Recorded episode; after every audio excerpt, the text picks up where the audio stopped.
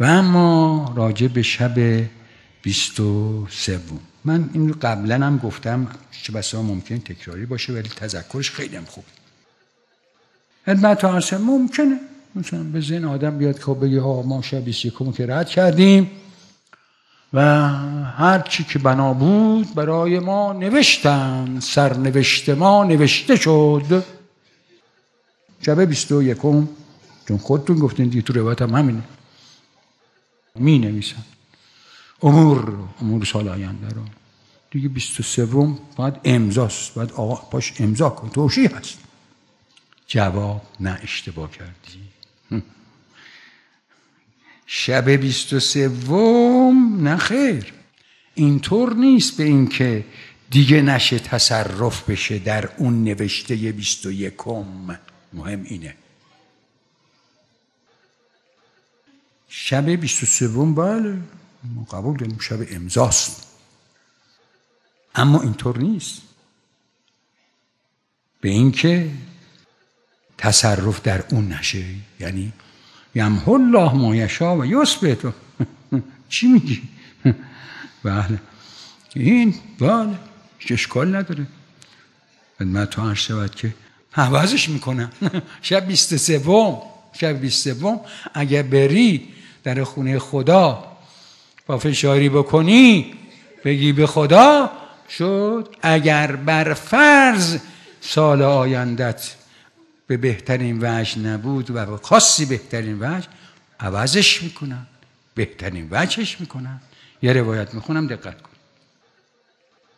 خدمت شود که روایت از امام هفتم علیه السلام. علیکم به فان الدعاء لله و طلب الله یرد البلا بسیار خوب. بر شما باد به اینکه دعا کنید درخواست از خدا کنید دعا. طلب کنید از خدا. و این بلا را بدی ها را رد می کند از شما. هر نوع گرفتاری ها وقت اون وقت چی؟ یرد البلا وقت قدر و قریه و لم یبق الا امضاؤه. چقدر قشنگ صاف. هیچی توش دیگه شبهه نمی‌تونه بکنی هیچ طلبه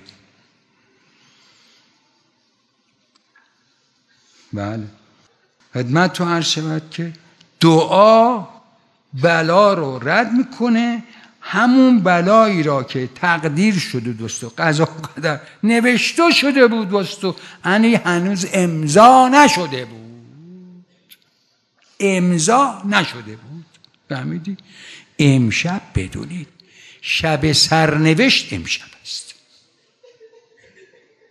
چون علا فرض که شب بیست و یکم برای ما اونطور که به اصطلاح ما دلمون می‌خواست که از هر جهت سال آینده ما سال خوبی باشد در تمام ابعاد دنیوی و اخروی.